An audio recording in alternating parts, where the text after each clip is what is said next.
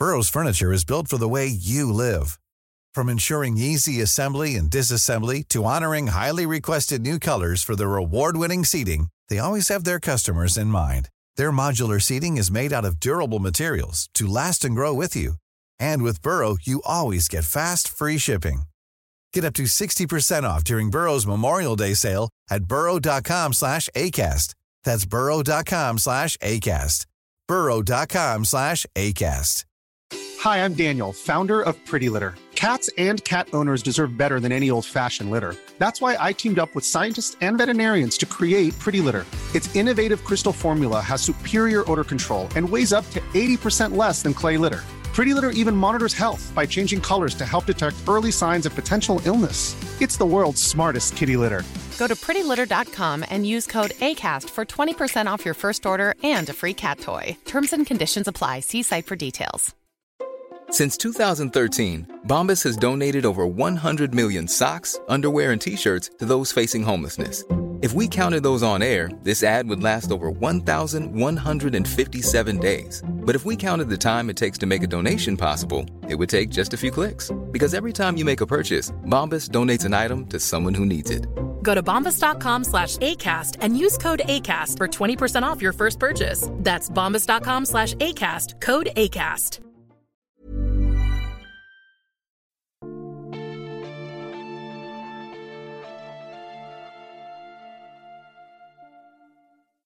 Välkomna till Sagan om Isfolket-podden avsnitt 37 Stad i skräck.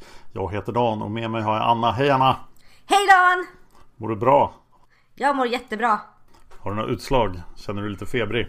Jag känner att det kliar lite grann och jag har ont i nacken och lite grann i ryggen. Men jag tänker att det går över sedan. Vad ska de göra? Jag är ju vaccinerad. Är det från att du hjälpte den där killen komma ombord på båten för två veckor sedan? Det kan vara det. Eller så sov jag bara lite konstigt i natt. Men jag, jag, jag tror att jag, jag klarar mig. Eller? Hur mår du? Vi lär oss av den här boken att man aldrig någonsin ska hjälpa folk att komma i roddbåtar om de inte verkar helt friska. Mm, precis. Hjälp aldrig en främling är sensmoralen i Stadig skräck. Det var allt för idag. Tack så mycket. Vi hörs nästa Ja, då går vi vidare till nästa bok. Nej, det gör vi ju inte. Nej, vi måste prata om det här. Ja, Jag tycker Rickard Brink är en duktig polis. han är en väldigt duktig polis. Jag tycker att han är väldigt, eh, alltså han är lite ny också. Jag tycker om den här tanken på den här stora lufsiga polisen. Eftersom han är ju liksom kroppsbyggare och rätt stor. Som går runt och verkligen löser det här mysteriet. Jag skulle vilja haft poliser som Rickard Brink inblandade i Palmeutredningen. Eh, Det var en sak jag tänkte på när jag läste den här. Tror att det hade varit löst då vid det här laget. Ja, Rickard Brink hade fixat det. Definitivt. Utan Imres hjälp. Ja, till slut kanske han hade behövt kalla in Imre men vi behöver inte göra den här boken. Nej, Tydligen. han klarar det helt själv. Ja, boken börjar ju inte jättebra. Nej. Tyvärr. Nej. Jag får säga att när jag slog upp boken och började läsa så insåg jag två saker. Ja, vilka två? Den första var att det här blir andra gången i mitt liv som jag läser Stadig skräck. För jag läste den en gång, kände åh herregud vad kass den är. Och sen vägrade jag befatta mig med den. Ja, jag tror inte heller jag läste den mer än en gång. Kan ha läst den två det- gånger kanske. Var det av samma orsak som jag? Ja. Ja. Sak nummer två jag insåg också var att den här med hunsad flicka som lever med stenhård äldre släkting som kväver hennes drömmar och moral. Den har vi ju sett förut så jag var ju inte jättetaggad när jag fortsatte läsa alltså. Jag kände det finns en orsak till att jag bara läst den här boken en gång och den var väldigt välgrundad.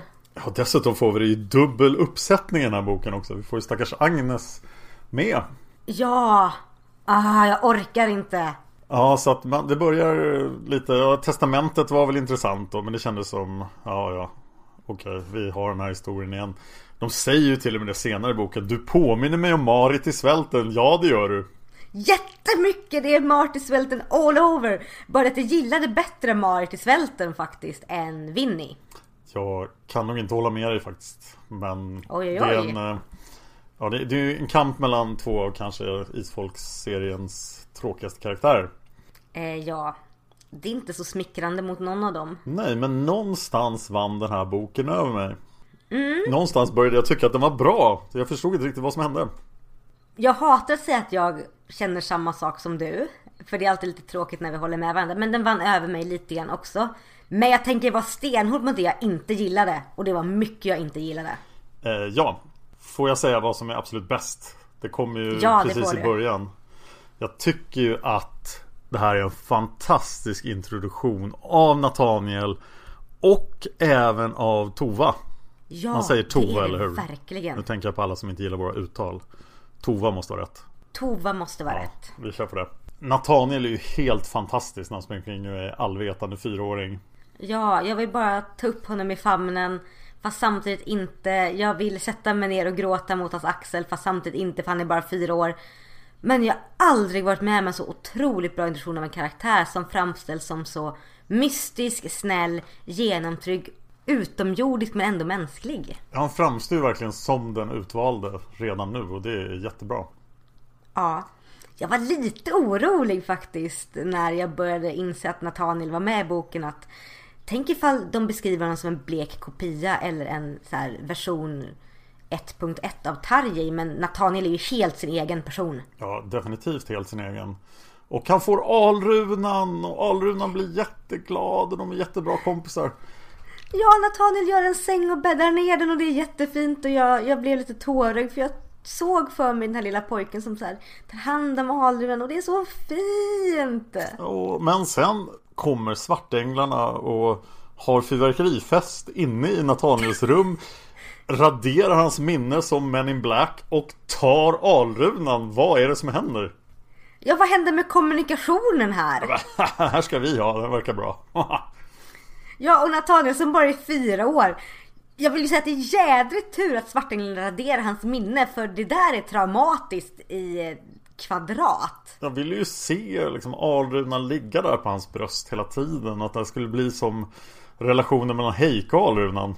Ja, det kändes som att den var liksom det var på väg mot något sånt fast ännu mer. Och så bara blev det ingenting. Och för Svartänglar ville inte kommunicera utan typ var fulla och gick in och tog Alrunan istället. Ja, bara kolla när ungen har en Alruna, vi tar den. Oh. Oh, bam! Vad ska han... Vad fasen också, han får inte skvallra. Vi raderar hans minne, det blir asbra. Ja! Pew, pew, pew! Ja just det, de tog inte Alrunan där faktiskt. De tog den sen. Eller, nej, det var då de tog den. Ja, det tog bara jättelång tid innan Nathaniel... Eller Nathaniel mindes ju inte. Innan Krista märkte någonting. Ja, för Nathaniel hade ju glömt också att Alrunan fanns. Stackarn. Man, man kan ju bara undra vad det här skulle vara bra för. Ja, och varför kommunicerar inte Svartänglarna om det här lite bättre? De verkar kommunicera till de som betyder någonting, det vill säga förfäderna. Men eh, in, ingen isfolket har fått reda på någonting. Nej, och Nathaniel är fyra år. Ja, Det känns som att om det är någon som man vill kommunicera med och förklara att vi gör det här av en orsak och här är orsaken någonting, någonting. Så är det kanske till en fyraåring som är jätte, jätte, jättebra vän med sin Alruna och älskar den mer än allting annat. det här ska bli intressant att se varför det här hände. Det ska bli jätteintressant. Jag eh, ville dyka direkt på nästa bok när jag läst klart men jag gjorde faktiskt inte det. Jag hade ju kunnat leva med att hela den här boken hade handlat om Nathaniel och Nathaniel är fyra år och springer omkring och ja, upplever saker. Ja, men jag tycker ändå om på ett sätt att vi får de här småglimtarna av honom för att jag vill ha mer och mer och mer. Och sen i slutet när vi verkligen äntligen får se Nathaniel så blir det fantastiskt. Fast nu hoppar vi typ över hela handlingen i boken och går direkt på Vi tog det bästa först. De Kakorna till Lindelo och Krista bara, men han kan ju inte äta någonting. Det är ju du som äter det. Jag bara, Oj då. Nathaniel bara, det är till Lindelo, om nom nom, alla kakor Lindelo bara, fast skyll inte på mig när du vill ha kakor Nathaniel. Nathaniel bara, jo det är bättre då. Och så Tova som dyker upp och är liten och eländig. Och så får hon Jätteful. Imre till hjälpare och han eh, verkar ju avgå som svartängel-ambassadör också. Ja, vad händer här? Ja, det vet vi inte förrän i nästa bok. Men det var sista Nej. gången man såg honom. För nu är det bara Tova som får se honom. Ja, Det lät ju som att han skulle dö och bli en ande. Ja, fast han är ju fortfarande så ung så det känns väl bara som att du säger, han tar ett steg tillbaka. Ja, det var lite märkligt. Ja, vi vet, det står inget födelseår på Imre, eller hur? Nej, det står... Men han skulle kunna vara född 1885. Så han skulle ju kunna närma sig 50 här faktiskt. Ja, och 50 är ändå en rätt hög ålder för en svart äng. Nej, det är inte en hög ålder för någon. Ja, man kan ju tänka sig att det finns någon annan som är yngre som kan ta över. Ja, Kanske hans dotter, Svartängelprinsessan. det hade varit jättekult att se. Ja. Faktiskt. Men du, förutom Svartänglar och Nathaniel och Tova, vad handlar den här boken om? Den här boken handlar om en av de otäckaste sjukdomar som någonsin har plågat mänskligheten. Smittkoppor. Minst 300 miljoner offer genom världshistorien som har dött wow. av smittkoppor. En fruktansvärd sjukdom som kan ha följt med oss så länge som sedan 12 000 f.Kr. Så pass länge? Ja, enorma epidemier under 1700-talet. Och en av de två sjukdomar som i princip utplånade ja, upp mot 85% av alla invånare i Nord och Sydamerika. Eh, efter Columbus. Jädra Columbus. Den andra sjukdomen, vet du vilken det var? Syfilis! Nej, den hade de faktiskt. Det var deras hämnd för att vi gav Jaha. dem smittkoppor. Och den andra sjukdomen som finns än idag i Sverige för att alla människor som lever idag i hela världen i princip, kanske inte på så här skumma öar och så här, men de flesta människor som lever idag är avkommor till de som överlevde den här sjukdomen. Och det var därför den var så fruktansvärd för indianerna, för de hade inget motstånd. Vi får den här sjukdomen fortfarande som en barnsjukdom. Men den är minst lika oh, läskig oh. som smittkoppor. Oh, jag vet, jag vet, jag vet, jag Vilken vet! Är? Mässling! Ja! Mässling och smittkoppor. Eh, spanjorernas bästa vapen. Det är väldigt oepiskt att tänka på det och samtidigt är så otroligt tragedi. Ja, absolut fruktansvärt. Och eh, jag gillar ju pandemier i den samma mening som jag gillar seriemördare. så jag är intresserad av det. Och jag tycker att den här beskrivningen av smittkopporna var fantastiskt bra. Mm. Och det gör ju historien mer spännande. Att det är en riktig sjukdom. Att det är saker som efterordet säger att det är saker som faktiskt hände. Mm. Nej men det lägger ju en helt ny dimension på det hela. Jag kan väl känna så här att eh, en sak som går lite förlorad. Ja. Är att smittkoppor är så liksom, inte talas så mycket om idag. Nej just eftersom det ju faktiskt är utplånat sedan 1980. Jag kan tänka mig att när den här boken kom och det var en smittkoppsepidemi så var det mycket läskigare att läsa boken för det var mer, ett mer reellt hot man faktiskt hade levt med väldigt länge. Nu så känns det som att smittkoppor är så långt borta. Eh, men jag tror det är väldigt viktigt när man läser en bok att faktiskt ha med sig, det du säger det här att smittkoppor är en otrolig dödlig sjukdom som gav otroliga efterverkningar på mänsklighetens historia. Och att man har med sig det så man inte bara viftar bort det som en liten sjukdom. För när jag började läsa var det så här, äh, smittkoppor, vad är det? Och sen läste jag på lite grann och bara, åh, just det ja. Det här får man faktiskt ta på allvar. Man måste sätta deras skräck för den här sjukdomen i historiskt perspektiv. De har ju sparat viruset just för vetenskapliga studier men det finns förmodligen sparat som ett biologiskt stridsmedel också i vissa ljusskygga staters våld. Nordkorea. Nej. Ja, USA. USA ja. Misstänker jag har smittkoppor. Ryssarna har säkert också. Men eh, det är ju inte ett speciellt bra vapen att släppa loss på folk. Nej, det är det inte. Men det byggs ju upp en väldigt bra stämning överlag i boken. Med liksom just rädslan för smittkoppor. Och jag tycker inledningen är lite tradig att komma igenom. Det är de här nio personerna man ska beta sig igenom. Och vissa är mer intressanta än andra. Sen kommer det igång. Ja, jag tycker i och för sig att Margit lyckas väldigt bra med att göra de här personerna intressanta. Hon lyckas skapa bikaraktärer här som, som jag känner någonting för. Till och med Kalle och eh, Wenke. Ja, jag var lite ledsen för den karaktär jag kände mest med var ju Willy som strök med först av alla. Ja, han hade ju jätterik bakhistoria. Man bara, va? Okej, vad har han gjort? Var har han varit någonstans? Och, bara, och han ville få tag i sin pappa, men hans pappa död. Sen ska han leta efter sin mamma. Det var så här, åh, hoppas Willy hittar sin mamma. Bara, nej. Nej, och jag satt hela boken och bara, men är det ingen som meddelar Willys mamma om att hennes son har dött i smittkoppor? Hallå? Sen möter vi också bokens två paradkaraktärer som man bara älskar. Blanseflor och Doffen! Ja! ja. De små hundarna, pudeln och terriern. Ja, som inleder någon slags eh, homosexuell relation där i början. Jag, jag var tvungen att läsa om det flera gånger för jag var men det här är ju inte möjligt. Eller har det blivit ett feltryck och sen bara inse att jo det här är möjligt. Ja, det eh, och det är därför båda tyck, både Winnie och Agnes tycker det är så otroligt pinsamt. Ja. Och sen också bara jo, ja det är inte ett feltryck. Sen tycker jag man får följa bägge hundarna ganska mycket och liksom deras öden redogörs för och sen på slutet när Blanseflor kommer dit och inser att han har hanhundar att skälla på han blir jätteglad. Ja, och när de är i karantän tillsammans på sjukhuset står och skäller på varandra och det piggar upp deras livsvilja och deras adrenalin. Att de är bra karaktärer. Ja, de är ju det. Jag tycker om Agnes också för att den här boken innehåller ju väldigt mycket sidokaraktärer. Väldigt mycket. Ja, och även fast jag tycker att inledningen när man presenterar de här nio personerna är väldigt tradig just för att vi har en hundsatt flicka som lever med äldre stenålderssläkting, Snark, vi har sett det. Eh, många av de här sidokaraktärerna har vi sett. Liksom, vi har sett det här innan. Jag menar Agnes som är jättehunsad av sin syster. Vi har sett det här olyckliga äktenskapet. Med en man som är lite pösig, en fru som bara står ut och en dotter som är ledsen. Det är ju liksom... Det är ju färgkaren inledningen all over igen. Ja. Men här får de ta lite större plats genom hela boken. Och då blir de här sidokaraktärerna som man har ändå fått följa i olika tappningar genom hela Isfulls historia. De får lite mer kött på benen. Och blir lite vettiga att följa. De blir... De, de får blomma ut på ett sätt som är väldigt trevligt i den här boken.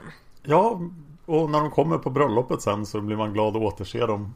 Ja, det är liksom, det här är sidokaraktärernas bok på ett sätt men samtidigt så är det den här boken där de också får upprättelse på något konstigt sätt. Förstår du vad jag menar? Jag förstår vad du menar och jag tycker jag har sagt det förut men jag tycker det märks så tydligt att Margit har blivit riktigt bra på att skriva här. Ja, det märks jättemycket. Ja, det här är en skickligt skriven bok. Historien är bra hopknuten. Hon ger så mycket utrymme det behövs. Hon har de här bikaraktärerna som får rymd och får karaktär. Och ja, ett, bra hantverk helt enkelt. Säkert under ganska mycket tidspress. Som vi kommer att märka snart i en av de kommande böckerna. Ja. Men jag funderade, liksom när jag läste klart den här boken så att jag funderade på varför jag sett ner på den så mycket. Och jag tror att det är just för att den är i en modern setting. Jag tycker inte det passar för isfolket och därför jag ser ner på den. Men som du säger, den här, det här är en bra skriven bok. Yes. Så, och efter det här så får vi ju träffa sekten. Pastor Prunk. Eller som han också kallas senare i boken, Prunkis. Ja, och jag tar tillbaka lite av det jag sa om sidokaraktären. För Pastor Prunk är en karaktär jag helst hade velat typ bara radera från jordens yta. Jag hatar den här typen av karaktärer. Han är jättebra skriven men han är så jädra jobbig att läsa om. Ja, han är lite värre än de vi har sett tidigare. Han är inte pedofil, vilket de ofta brukar vara, men uh, han, uh, ja, han var lite over the top hela tiden. Ja, det är som en slags, ja men som en slags, eh, vad säger man? En tv-showsvärld för ett reklamprogram. Lite för skinande, lite för sparkly. Benhårt övertygad om att han är en stjärna och att alla gör som han vill. Och det skrämmande är ju att det finns sådana här människor. Och att de lyckas med sådana här saker. Så att man kan inte avfärda det direkt. Han känns ju inte trovärdig. Man skulle ju bara skratta åt honom. Tänker man, men folk gör ju inte det. Nej. Och det är det som är så bra. Och jag, jag, jag var lite tveksam för jag tänkte att vänta nu, kommer det en till, kommer det en sekt här? Och ska vi liksom nu Ska Margit börja med det här igen att slå ner på kristendomen? Men hon gör ju en väldigt tydlig skillnad med att Abel och Kristas sekt som är etablerad och har en bra grund att stå på är miltvid skillnad från den här sekten som är hittepå. Ja, det blir ju extra intressant just för vi precis hade en frikyrka i förra boken och här kommer en toksekt istället. För det här är liksom, ja, vad är det, 10 000 års riket och de ska ställa, spärra in sig i ett valv och ja, som du säger, man skrattar ju lite åt det men sen fastnar skrattet i halsen eftersom det faktiskt finns människor som tror på det här. Ja, och det har ju lett till enorma tragedier. Så att eh, Ja. det är ingenting att ignorera i alla fall. Man kan nog skratta åt det för det är ju löjligt men det händer i verkligheten. Ja, det gör det ju.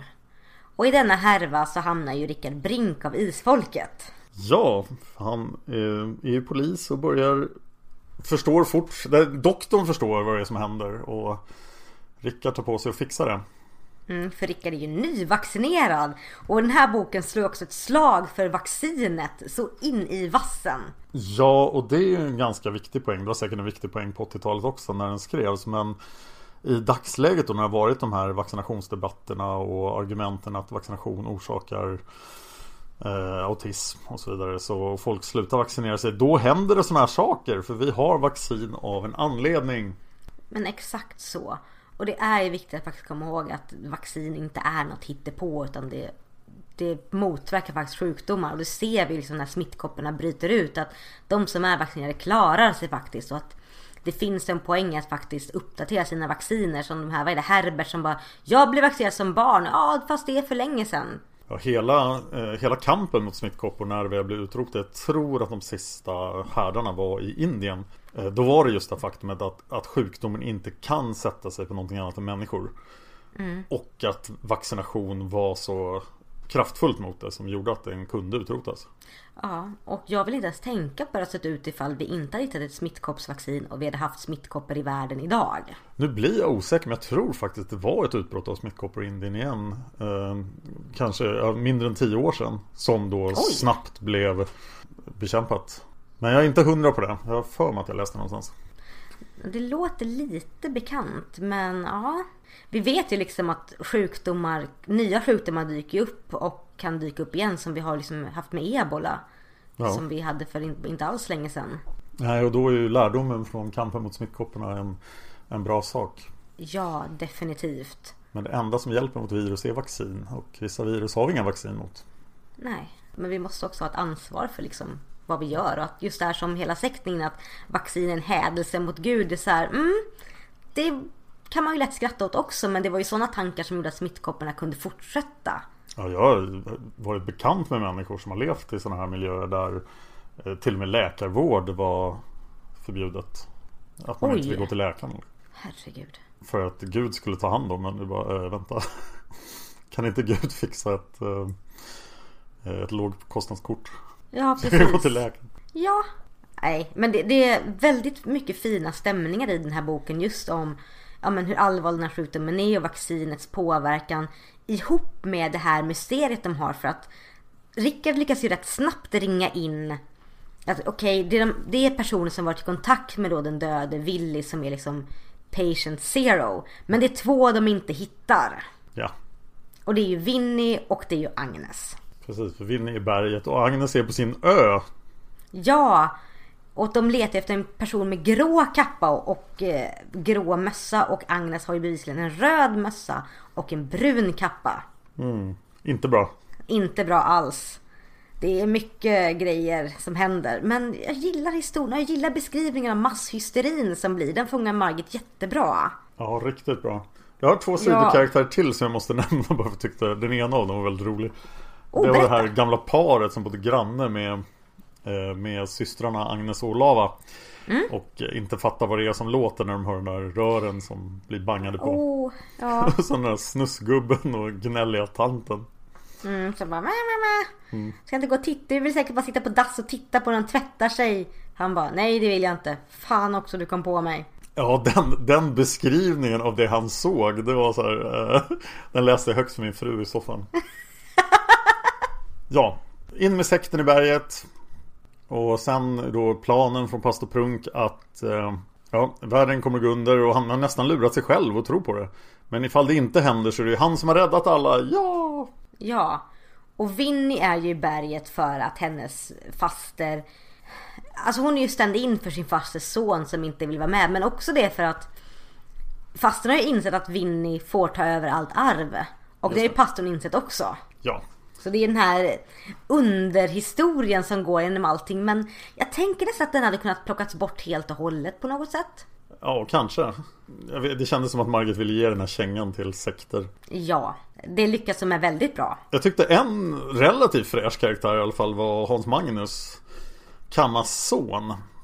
Okej. Som inte var kuvad av sin mamma. Det var nästan vad man hade väntat sig att han skulle vara så här, lyda sin mamma som vi har sett så många gånger förut. Men han var mer ja. så här, hon är knäpp i huvudet, så här, jag är officer och ja, nu har jag chans att stjäla lite grejer, då gör jag det. Men han, han kände, jag kände inte att han var en repetition av någon tidigare skurk. Nej, det har du faktiskt helt rätt i. För att det logiska hade ju varit här i sidokaraktärernas bok att han var en mammagris. Ja, jag, blev, jag var tvungen att läsa om en gång bara, vadå, är han ingen mammagris? Vad, vad är det här? Och han är fullt medveten om att min mamma håller på med en sekt, de är dumma i huvudet. Jag tänker inte befatta mig med dem och min mamma får göra som hon vill. Vilket är tvärt vad vi sett mycket av de här ja, sönerna göra som har dominerande mammor. Ja, det var fräscht. Mm, det var väldigt fräscht. Ah, och sen är de inne i det här berget då, den här sekten. Och det är ju väldigt, ah, vad ska vi säga, äckligt. Ja, mm. sektigt. Sektigt och äckligt.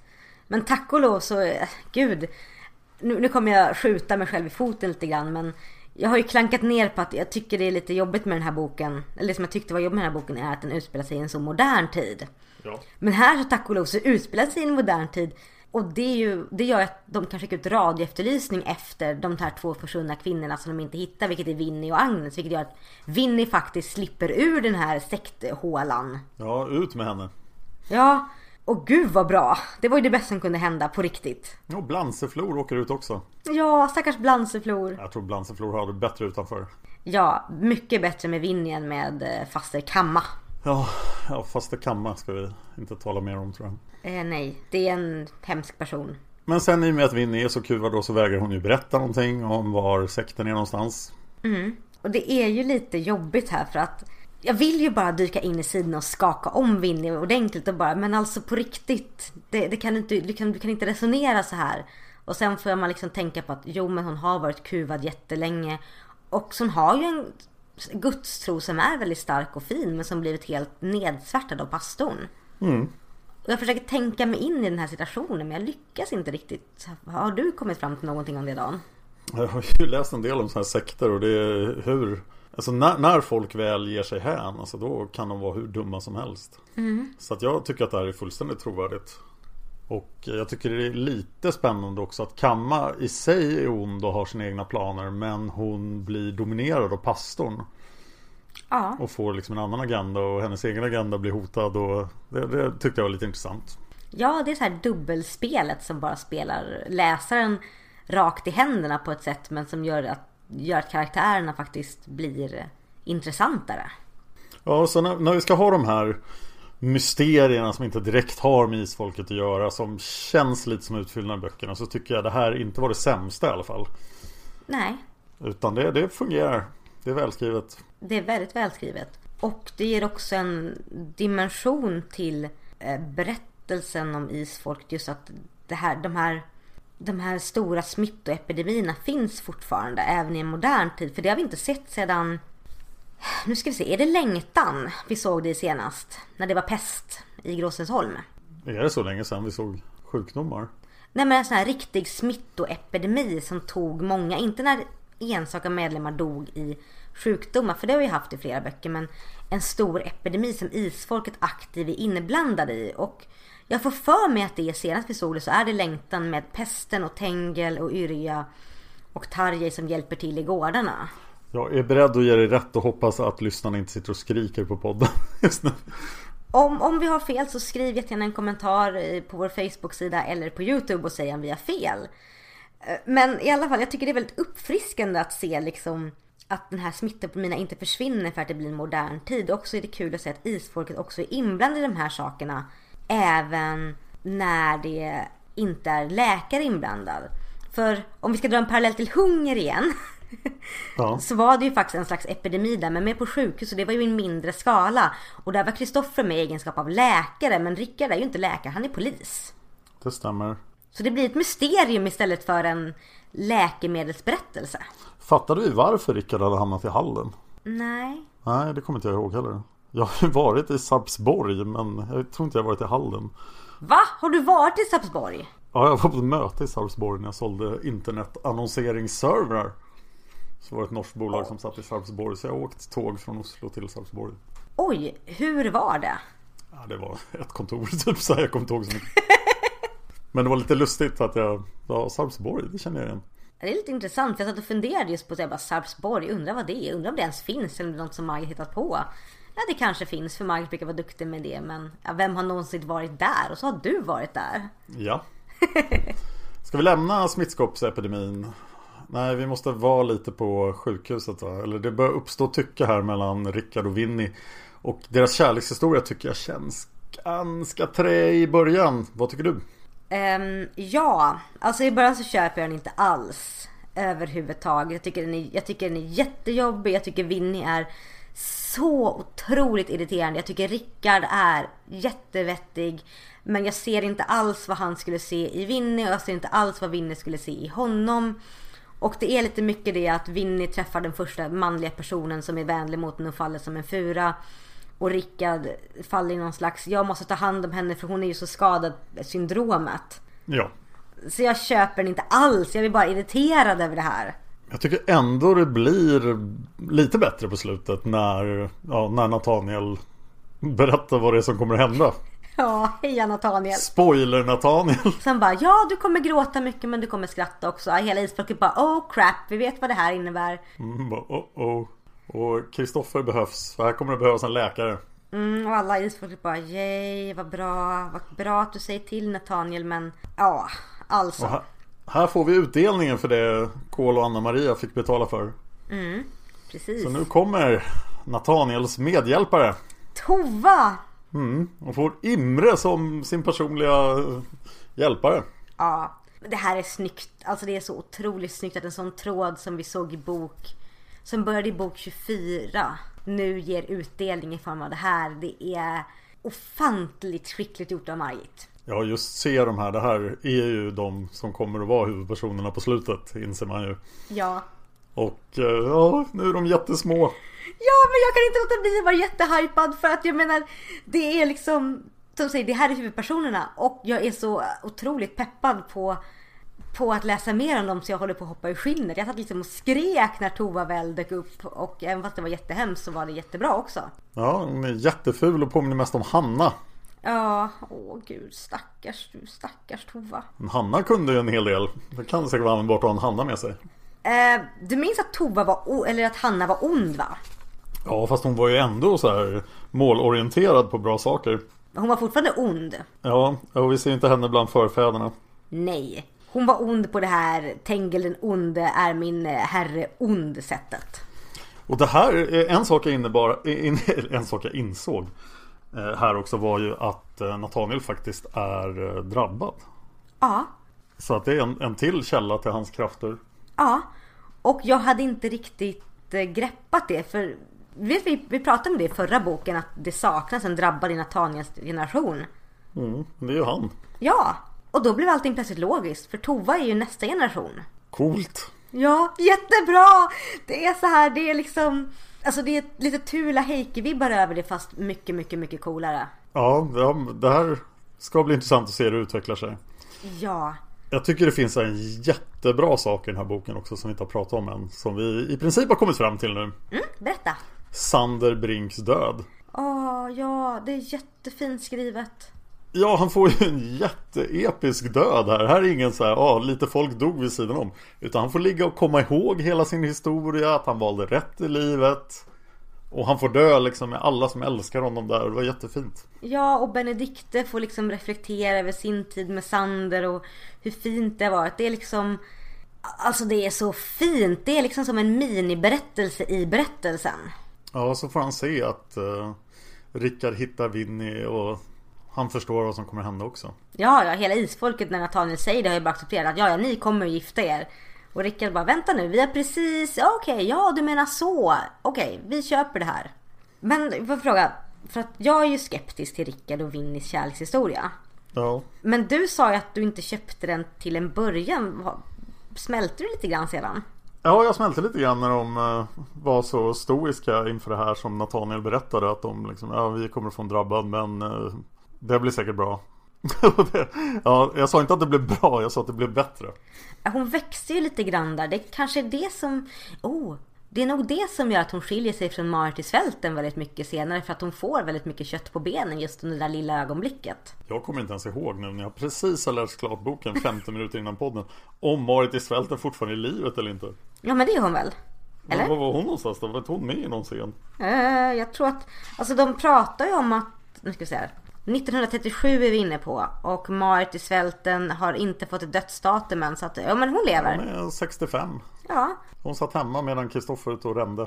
Ja, jag skulle gissa på att så här, hon är ju inte en isfolksättling så hon är väl lite i periferin som hon alltid har varit. Hon hade en bok och sen så var det bra. Sen när Benedikte sitter på kyrkogården där och vid Sanders grav så kommer Imre och säger Ja, en massa skumma saker. Ja och säger typ stanna här och gå inte och sen så dyker förfäderna upp. Vad händer här? Ja just det, de var tvungna att vänta tills eh, kyrkogården var tom. Ja, Och så kommer alla förfäderna som hon till slut får se. Hon har väl sett någon av dem förut? ja hon har inte sett Heike till exempel. Nej, det var fint. Och så är Tengil den onde försvunnen. Ja, jag hade glömt detta! Det är Jag hade också jätteepiskt! glömt Ah! Jag satt liksom, jag satt liksom och så här slöläste bara, ja ja men nu är den snart klar och det är fint med Sandro. Och sen bara, ursäkta han är vad för någonting? Och den sista meningen i boken implicerar ju att uh, Tengil den onde har startat andra världskriget också. Ja, och jag vill ju bara sucka och säga att det är förutsägbart men en del av mig är så här. Åh det är jättebra, det är fantastiskt episkt och det här kommer bli en jättebra uppföljning, det kommer bli jättebra nästa bok. Ja, det vill man ju höra mer om vad sjutton han har gjort nu. Ja, och hur lyckades han ta sig ur? Liksom ur grottorna, hur lyckades han smita undan vandrarens blick? Det är så mycket frågetecken som jag vill ha svar på. För det känns som att, ja men hela den här historien som Rickard och, om Rickard och smittkoppsepidemin var ju som underlag för att vi skulle få träffa Nathaniel och nu så och senare Tova och nu barkar det loss liksom i Tengil onde och det är för tidigt. Ja, det är alldeles för tidigt. Nathaniel är bara fyra år. Och vi har ju sett alla de här försöken att spela på en flöjt som har misslyckats. Och nu har någon plötsligt lyckats med det utan att vi vet någonting om det. Ja, och vandraren har inte märkt det. Vad händer? Har vandraren typ suttit och varit emo eller varit full? Eller vad händer? Någonting händer. Ja, vandraren! You had one job! You had one job, vandraren. Ja, och han bara, alltså jag vet inte riktigt, jag sov. Så, men det får vi reda på mera om framöver i Små män kastar långa skuggor. Oh, Kanske. spännande, spännande. Men alltså jag får lite hjärtat i halsgropen och lite ont i hjärtat av det här för att Nathaniel är fyra år och Tova är nyfödd. Det är för tidigt. Mm, definitivt, vi vill inte ha liksom, ensam hemma slutstriden mot Tengil den onde. Eller? Det hade väl kunnat vara roligt. Eh, nej. jo! Tänk dig Nathaniel och Tova som bara Nu kommer du in här Och så bara här hon ta kulor i ansiktet Och hon bara nej! Snubbla på bananskal och grejer. Eh, ja, Kanske mindre episk, kanske inte den slutstriden vi vill ha. nej. Den vi kanske ibland förtjänar när vi har poddat men inte den vi vill ha. Ja, men då ska vi titta på, för vi är klara med boken, eller hur? Ja, det är vi tror jag. Rickard och Vinny har ju gift sig, allting är bra och ja. Så då eh, har vi ställt lite frågor. Det är våra standardfrågor. Vad tycker du om boken? Vilken är bokens bästa ögonblick? Och vilken är din favoritkaraktär? Och varför? Och den första som har svarat är Heike. Som säger Jag minns den här boken som en ganska spännande deckarhistoria. Och den känns bra att börja läsa om. Första kapitlet och särskilt första stycket är lite annorlunda skrivet än övriga böcker. Det är mer berättande än vanligt och mer övergripande istället för att vi direkt får stifta bekantskap med karaktärerna som annars är brukligt. Jag gillar det och jag blir sugen på att läsa mer. Slutbetyget får bli en stark sexa. En spännande bok trots att den har väldigt lite med isfolket att göra. Bokens bästa ögonblick. Jag älskar scenen när Winnie träffar Nathaniel för första gången. Ja, med de gula ögonen. Ja, mm, nom nom nom, jättegula ögon. Han går fram till henne och säger att hon ska få ett drabbat barn och hela familjen tar det på allvar och blir ledsna för hennes skull.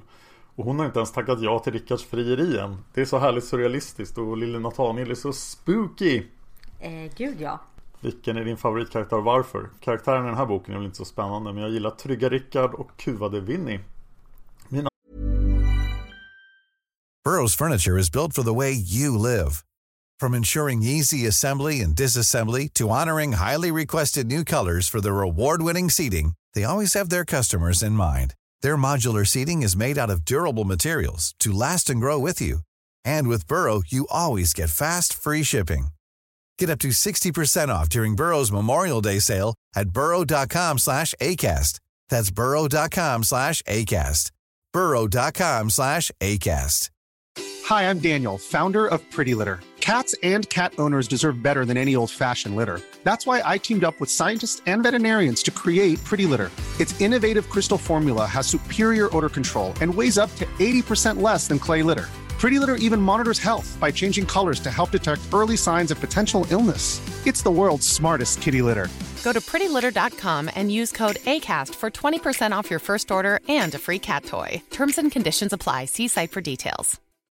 Millions of people have lost weight with personalized plans from Noom, like Evan, who can't stand salads and still lost 50 pounds. Salads, generally, for most people, are the easy button, right? For me, that wasn't an option. I never really was a salad guy. That's just not who I am. But Noom worked for me. Get your personalized plan today at Noom.com. Real Noom user compensated to provide their story. In four weeks, the typical Noom user can expect to lose one to two pounds per week. Individual results may vary. Tankar om boken. Tre frågetecken på en och samma sida. En man med tydliga tecken på kommande korpulens skakade ivrigt hand med världen, står det på sid 34. Vad finns det för tecken på det? Även om man är lite småtjock så är det svårt att se om man kommer att bli ännu tjockare. Mm. Jag vet inte det. Jag tycker nog man kan ana det. På vissa. Ja, jag vet faktiskt inte riktigt. Ibland kan man, ibland är ju människor eh, så här runda men det är ju liksom Alltså är, jag kan inte riktigt se om folk kommer bli rundare. Samma sak man inte kan se om människor kommer bli smalare. Men man kan ju se folk som är superbeniga och antar att de inte kommer att bli så mycket tjockare. Nej, men man vet inte om de kommer bli smalare heller. Alltså man kan Nej. ju se om folk är... Alltså jag hade nog tyckt att det var bättre om du såg en man med tydliga tecken på korpulens. Skakade Mm. ivrigt hand med världen. Men kommande korpulens, det tyder ju på att det är en kurva. Ja men det är som när folk är gravida och man säger att ja du är gravid, du kommer bli tjockare. Ja. Men ja, jag, jag håller med Heike. Det är väldigt konstigt formulerat. Eh, samma sida då. Han gjorde en fransk gest med tummen och pekfingret. Vad är en fransk gest?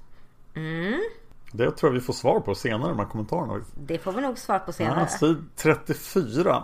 Vi måste hinna hem till barnprogrammet. Eh, TV fanns inte. Gick det barnprogram på radio vid den här tidpunkten? Jag trodde det var lite modernare påfund. Och där ska man också tänka på att de gör sig på väg hem från en middag. Mm. Så att det måste gå ett barnprogram vid midnatt på radio. Ja, Så vad 17 menar ungen här? Jag vet att det i Sverige under krigstiden. Det här baserar helt på en bok jag har läst som heter eh, När vi var barn. Okej. Och som det är en svensk författarinna som heter Ann-Madeleine Charlotte som i bilderboksform berättar om sin uppväxt under andra världskriget. Och där beskriver hon att på lördagar, ungefär vid lunch tror jag det var, så har de liksom här, ja, men, program där barn kan spela eller läsa upp dikter. Men det är fortfarande mitt på dagen och om, även om man har ett liknande i Norge så är det som du säger, de är på väg hem vid middagstid.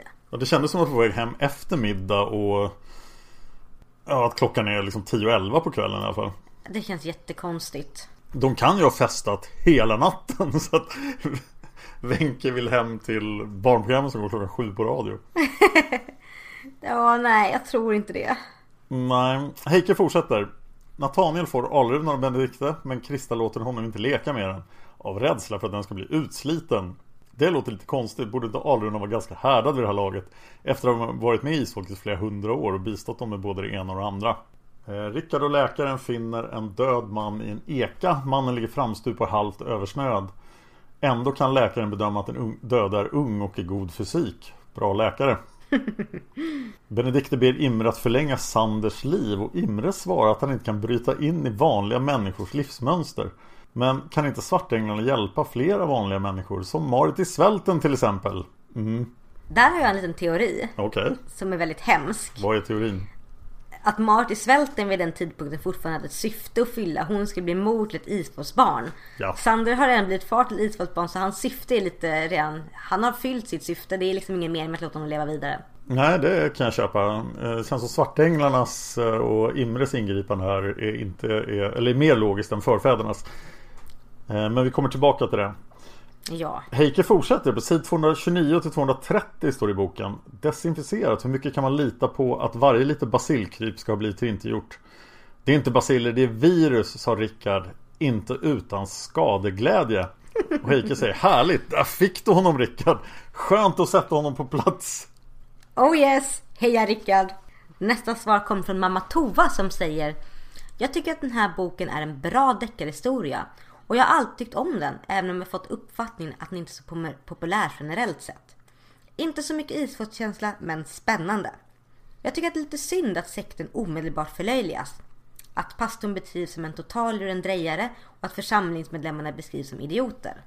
Jag tror det hade kunnat bli en bättre historia om Margit fick fram lite mer den känslan som faktiskt styr in folk i sekter.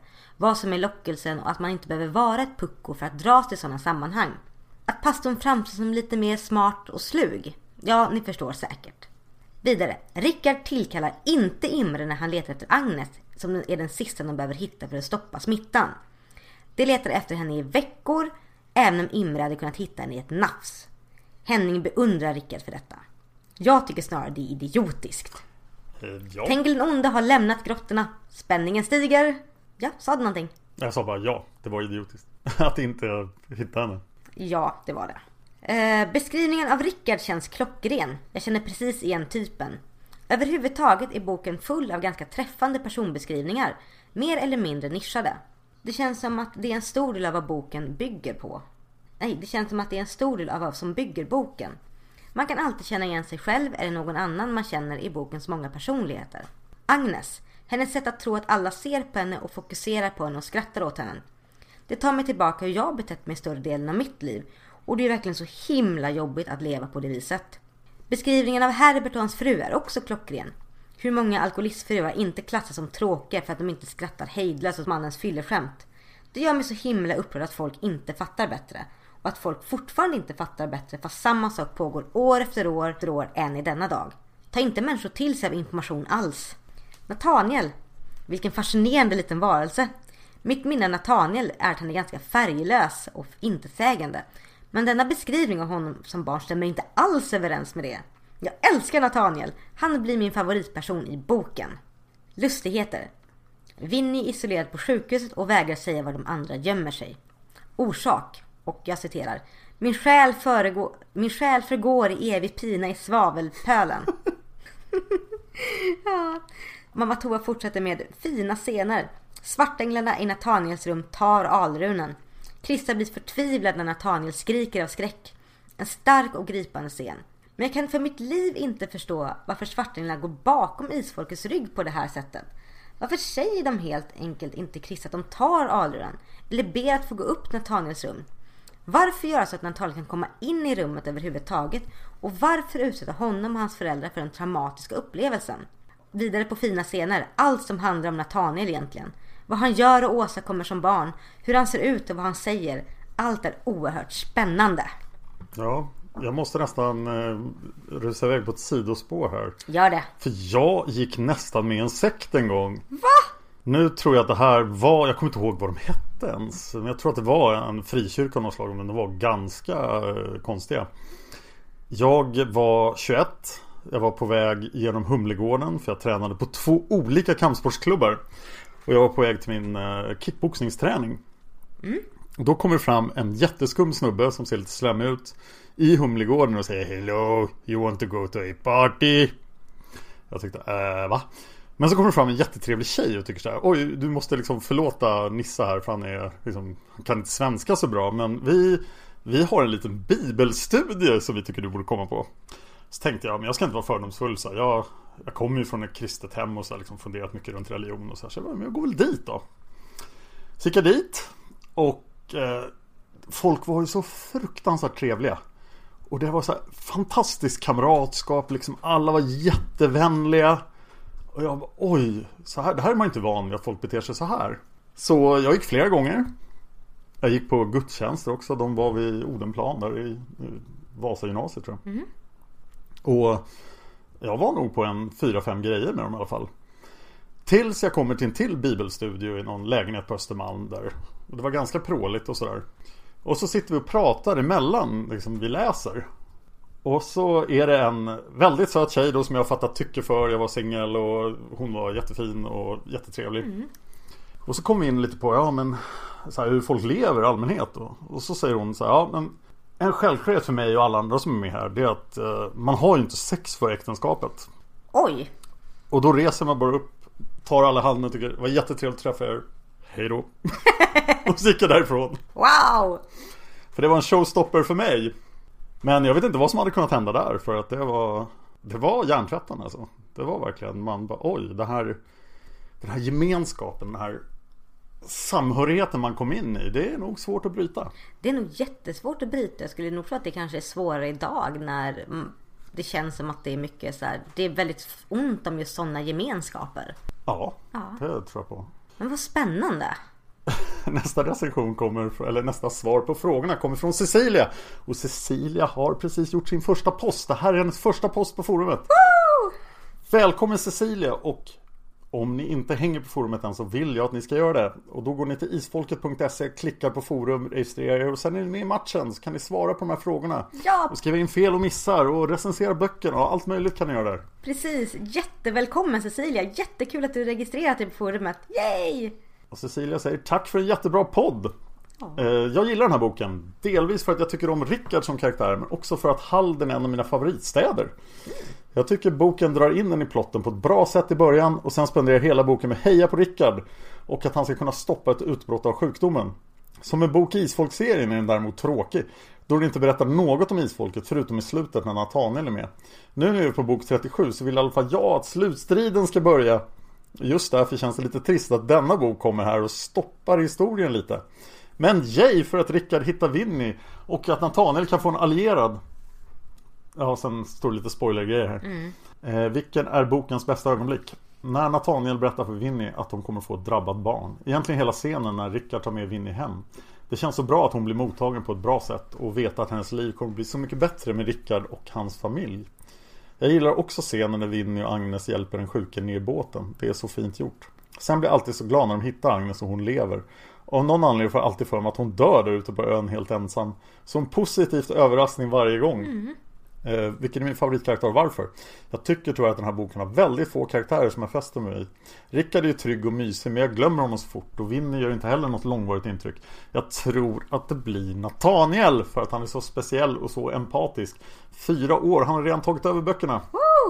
Sedan så skrev ju Heike det här om vad är en fransk gest? Och då har vi fått in lite svar på det.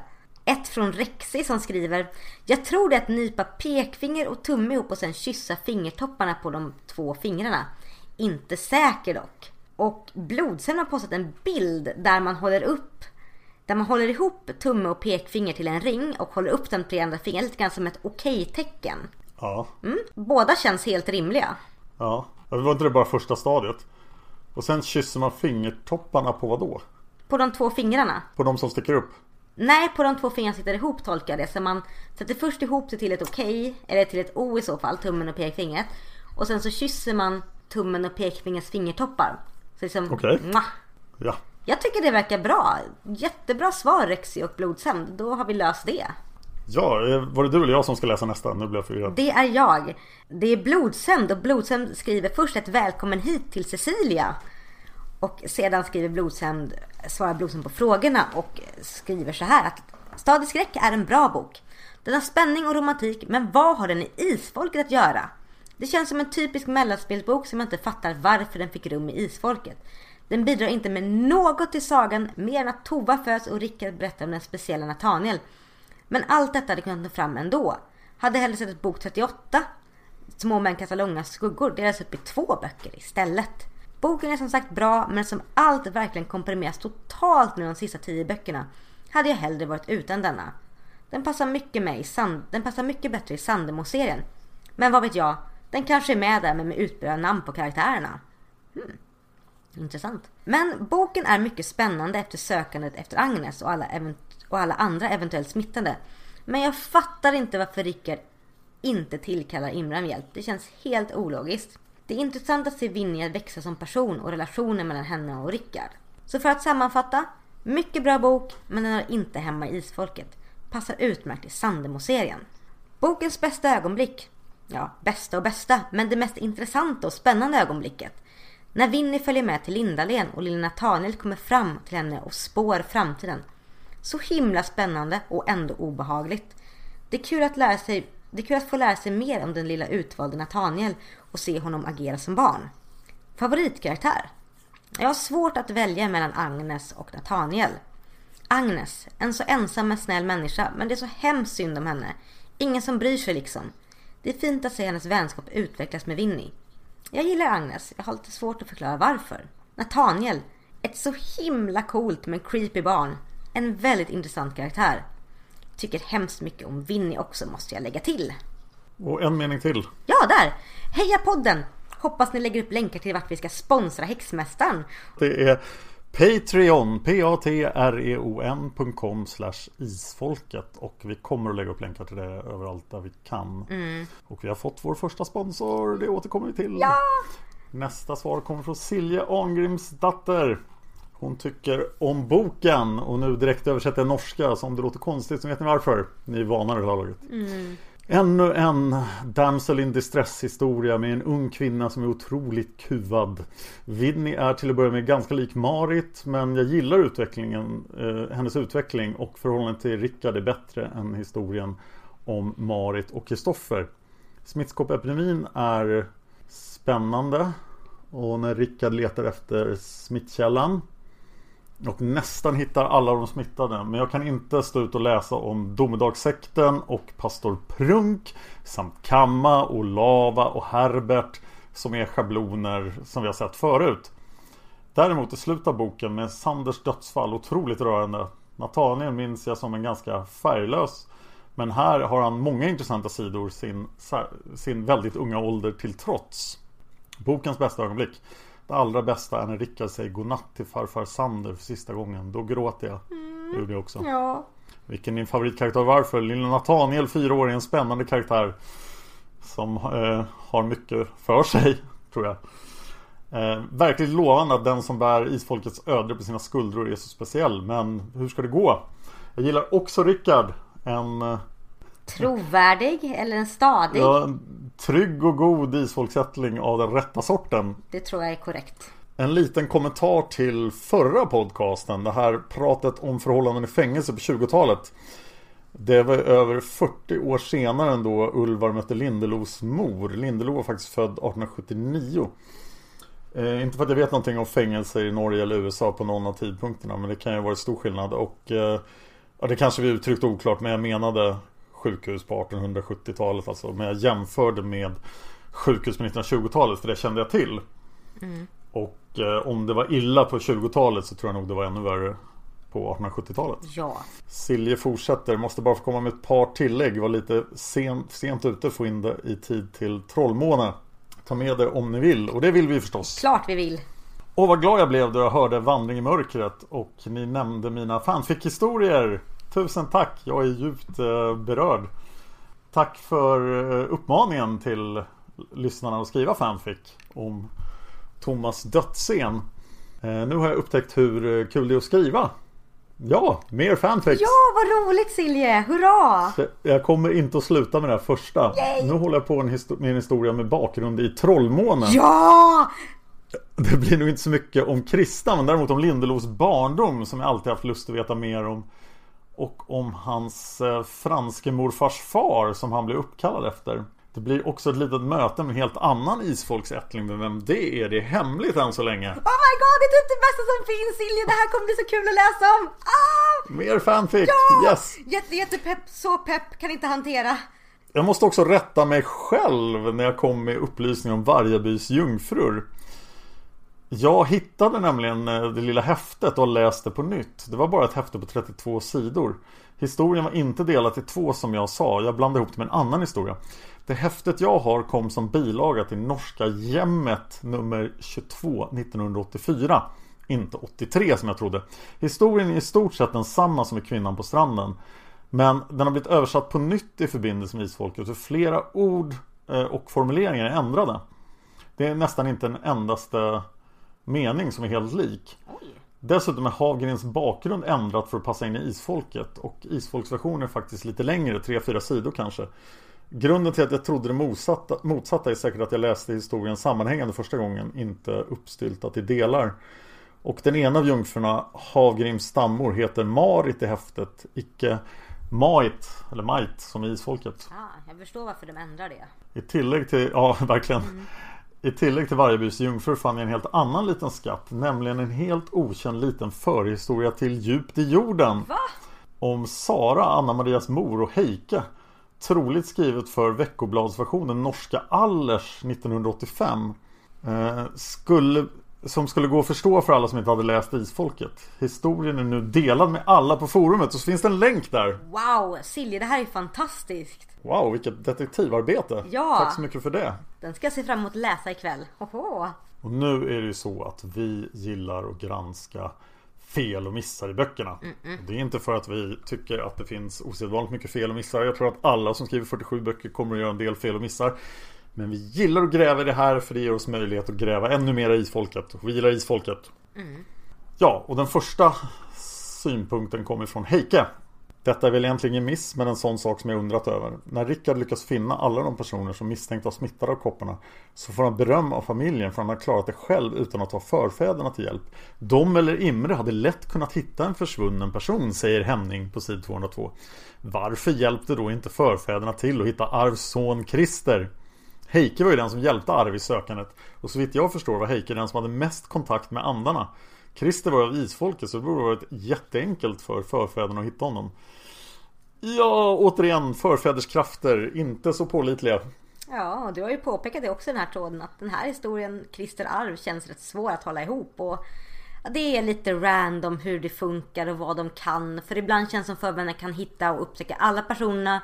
Och ibland känns det som de bara går runt med ögonbindlar.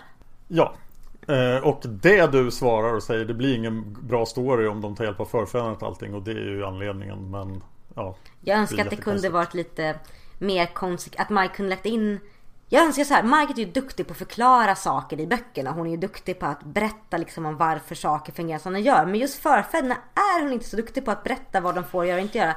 Det hade varit bra om det någonstans kom en slags klausul att det här är orsaken till varför förfäderna inte fått göra det. Det har vi inte sett än. Nej. Nej. Nästa miss kommer från Liv Hanna som påpekar Läste just om hur de matar en av hundarna med choklad.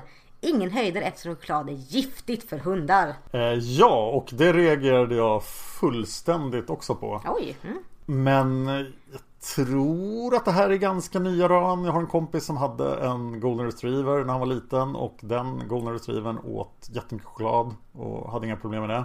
Eh, så jag tror, alltså jag tror Choklad är ju giftigt för hundar, det är ju belagt. Men jag tror inte folk hade koll på det då. Och jag tror definitivt att Margit inte hade koll på det. Nej, Men det här är ju ändå 30 år sedan så att det är faktiskt helt sant. Hade boken skrivits idag så hade nog Margit haft benkoll på det.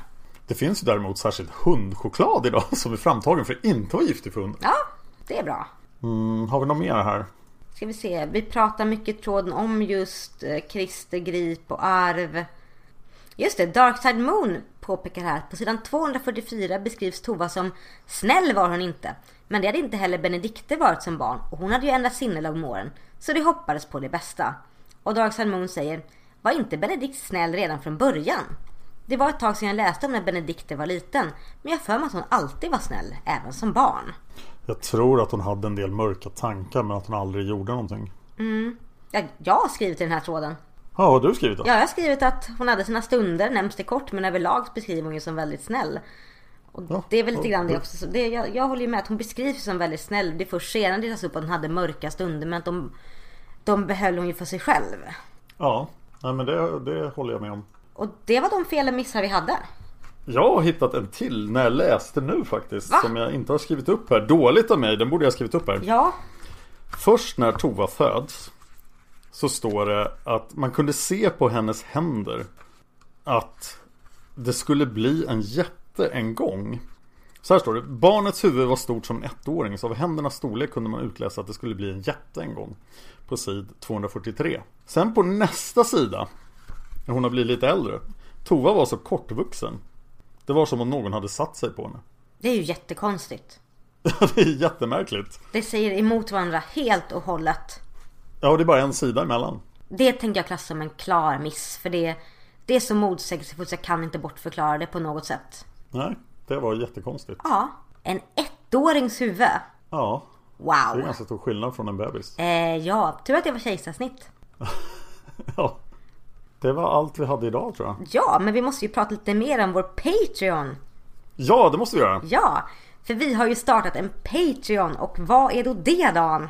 Patreon är alltså ett sätt för lyssnare och folk som tar del av regelbundet återkommande material som en podcast eller ett en YouTube-program som kommer en gång i veckan eller något sånt. eh, och eh, sponsra det. Lite som Kickstarter om ni vet vad det är. Men mera för återkommande innehåll. Så att Patreon är ett slags kontrakt kan man säga. Ni kan säga okej, om det kommer ett nytt avsnitt av Isfolket så är jag beredd att sponsra det med 2 dollar. Och i så fall gör vi avsnitt av Isfolkspodden Då får vi 2 dollar av er Gör vi inte det så får vi ingenting Och vi har ju tänkt att har vi möjlighet så ska vi fortsätta med Häxmästaren och Ljusets rike. Så det är väl de två stora målen på Patreon.com isfolket som är vår Patreon. Ja, precis. Och vi satte upp den här Patreonen för inte alls länge sedan. Men vi har redan fått vår första eh, sponsor. Ja, det är bara två dagar sedan vi satte upp den. Och eh, vi vill tacka Åsa Mattsson som är vår första sponsor. Tack Åsa! Tack så mycket för att du sponsrar oss.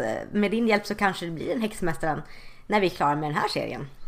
Ja, Åsa har sponsrat oss med 2 dollar per avsnitt och hittar vi 19 personer till som vill göra det då kan vi göra Häxmästaren för gränsen är 40 dollar då. Men det här ligger ett tag in i framtiden då för vi har ju fortfarande 47 avsnitten kvar att göra. Och så ska vi göra några uppföljningsavsnitt också. Mm. Så vi pratar, ja vad pratar vi? Sommar? Ja, men så här, vänta helst inte. Om ni vill se att vi gör Häxmän så vänta inte med att gå in och sponsra oss på Patreon.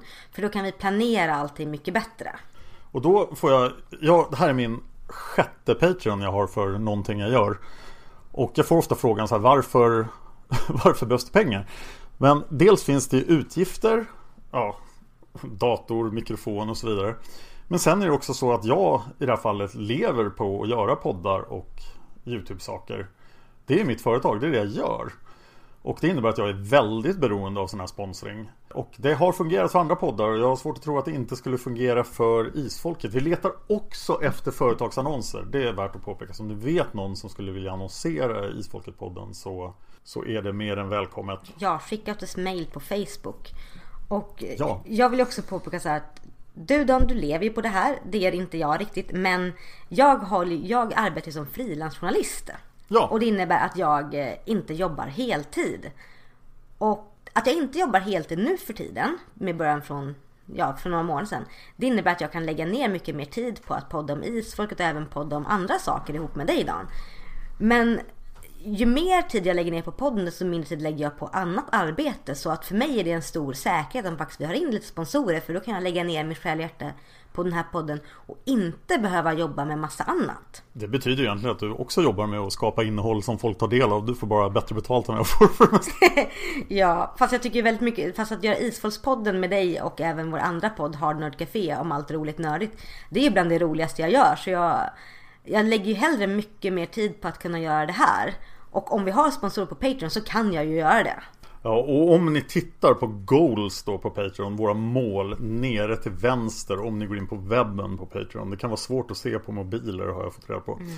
Så hittar ni vad vi har för planer och vi är alltså beredda att ta oss an alla böcker som Margit har skrivit i princip. Vi är beredda att göra hela Svarta Riddarna, Blåljus, Historien, hela Sandemo-serien. Historien om en fjälldal, Trollruner, yes. allt. Ja, så att om ni, vi kan göra det här i fem år till. Mm. Minst. Och det är också värt att tänka på att så här, när man går med och stöttar oss på Patreon så kan man välja olika nivåer.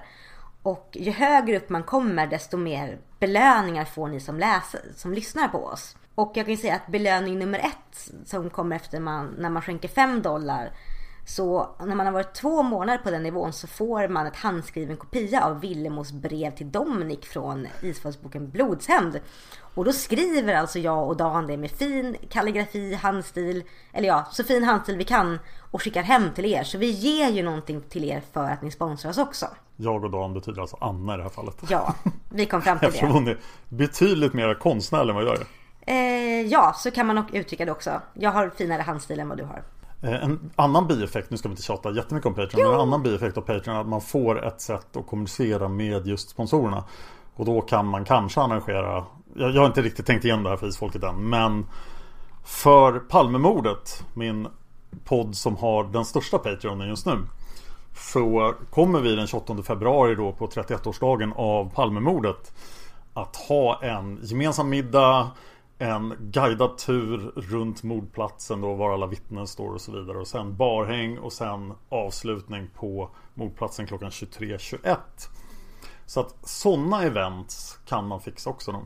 Precis. Kanske ligger i framtiden. Det ligger nog i framtiden men jag ser helt klart att det hade varit möjligt och väldigt kul att göra det. Jag menar ett gäng Sandemo-fans som samlas och du och jag Dan som råddar ihop någonting på en plats som är viktig i någon av Sandemo-böckerna hade varit helt otroligt episkt.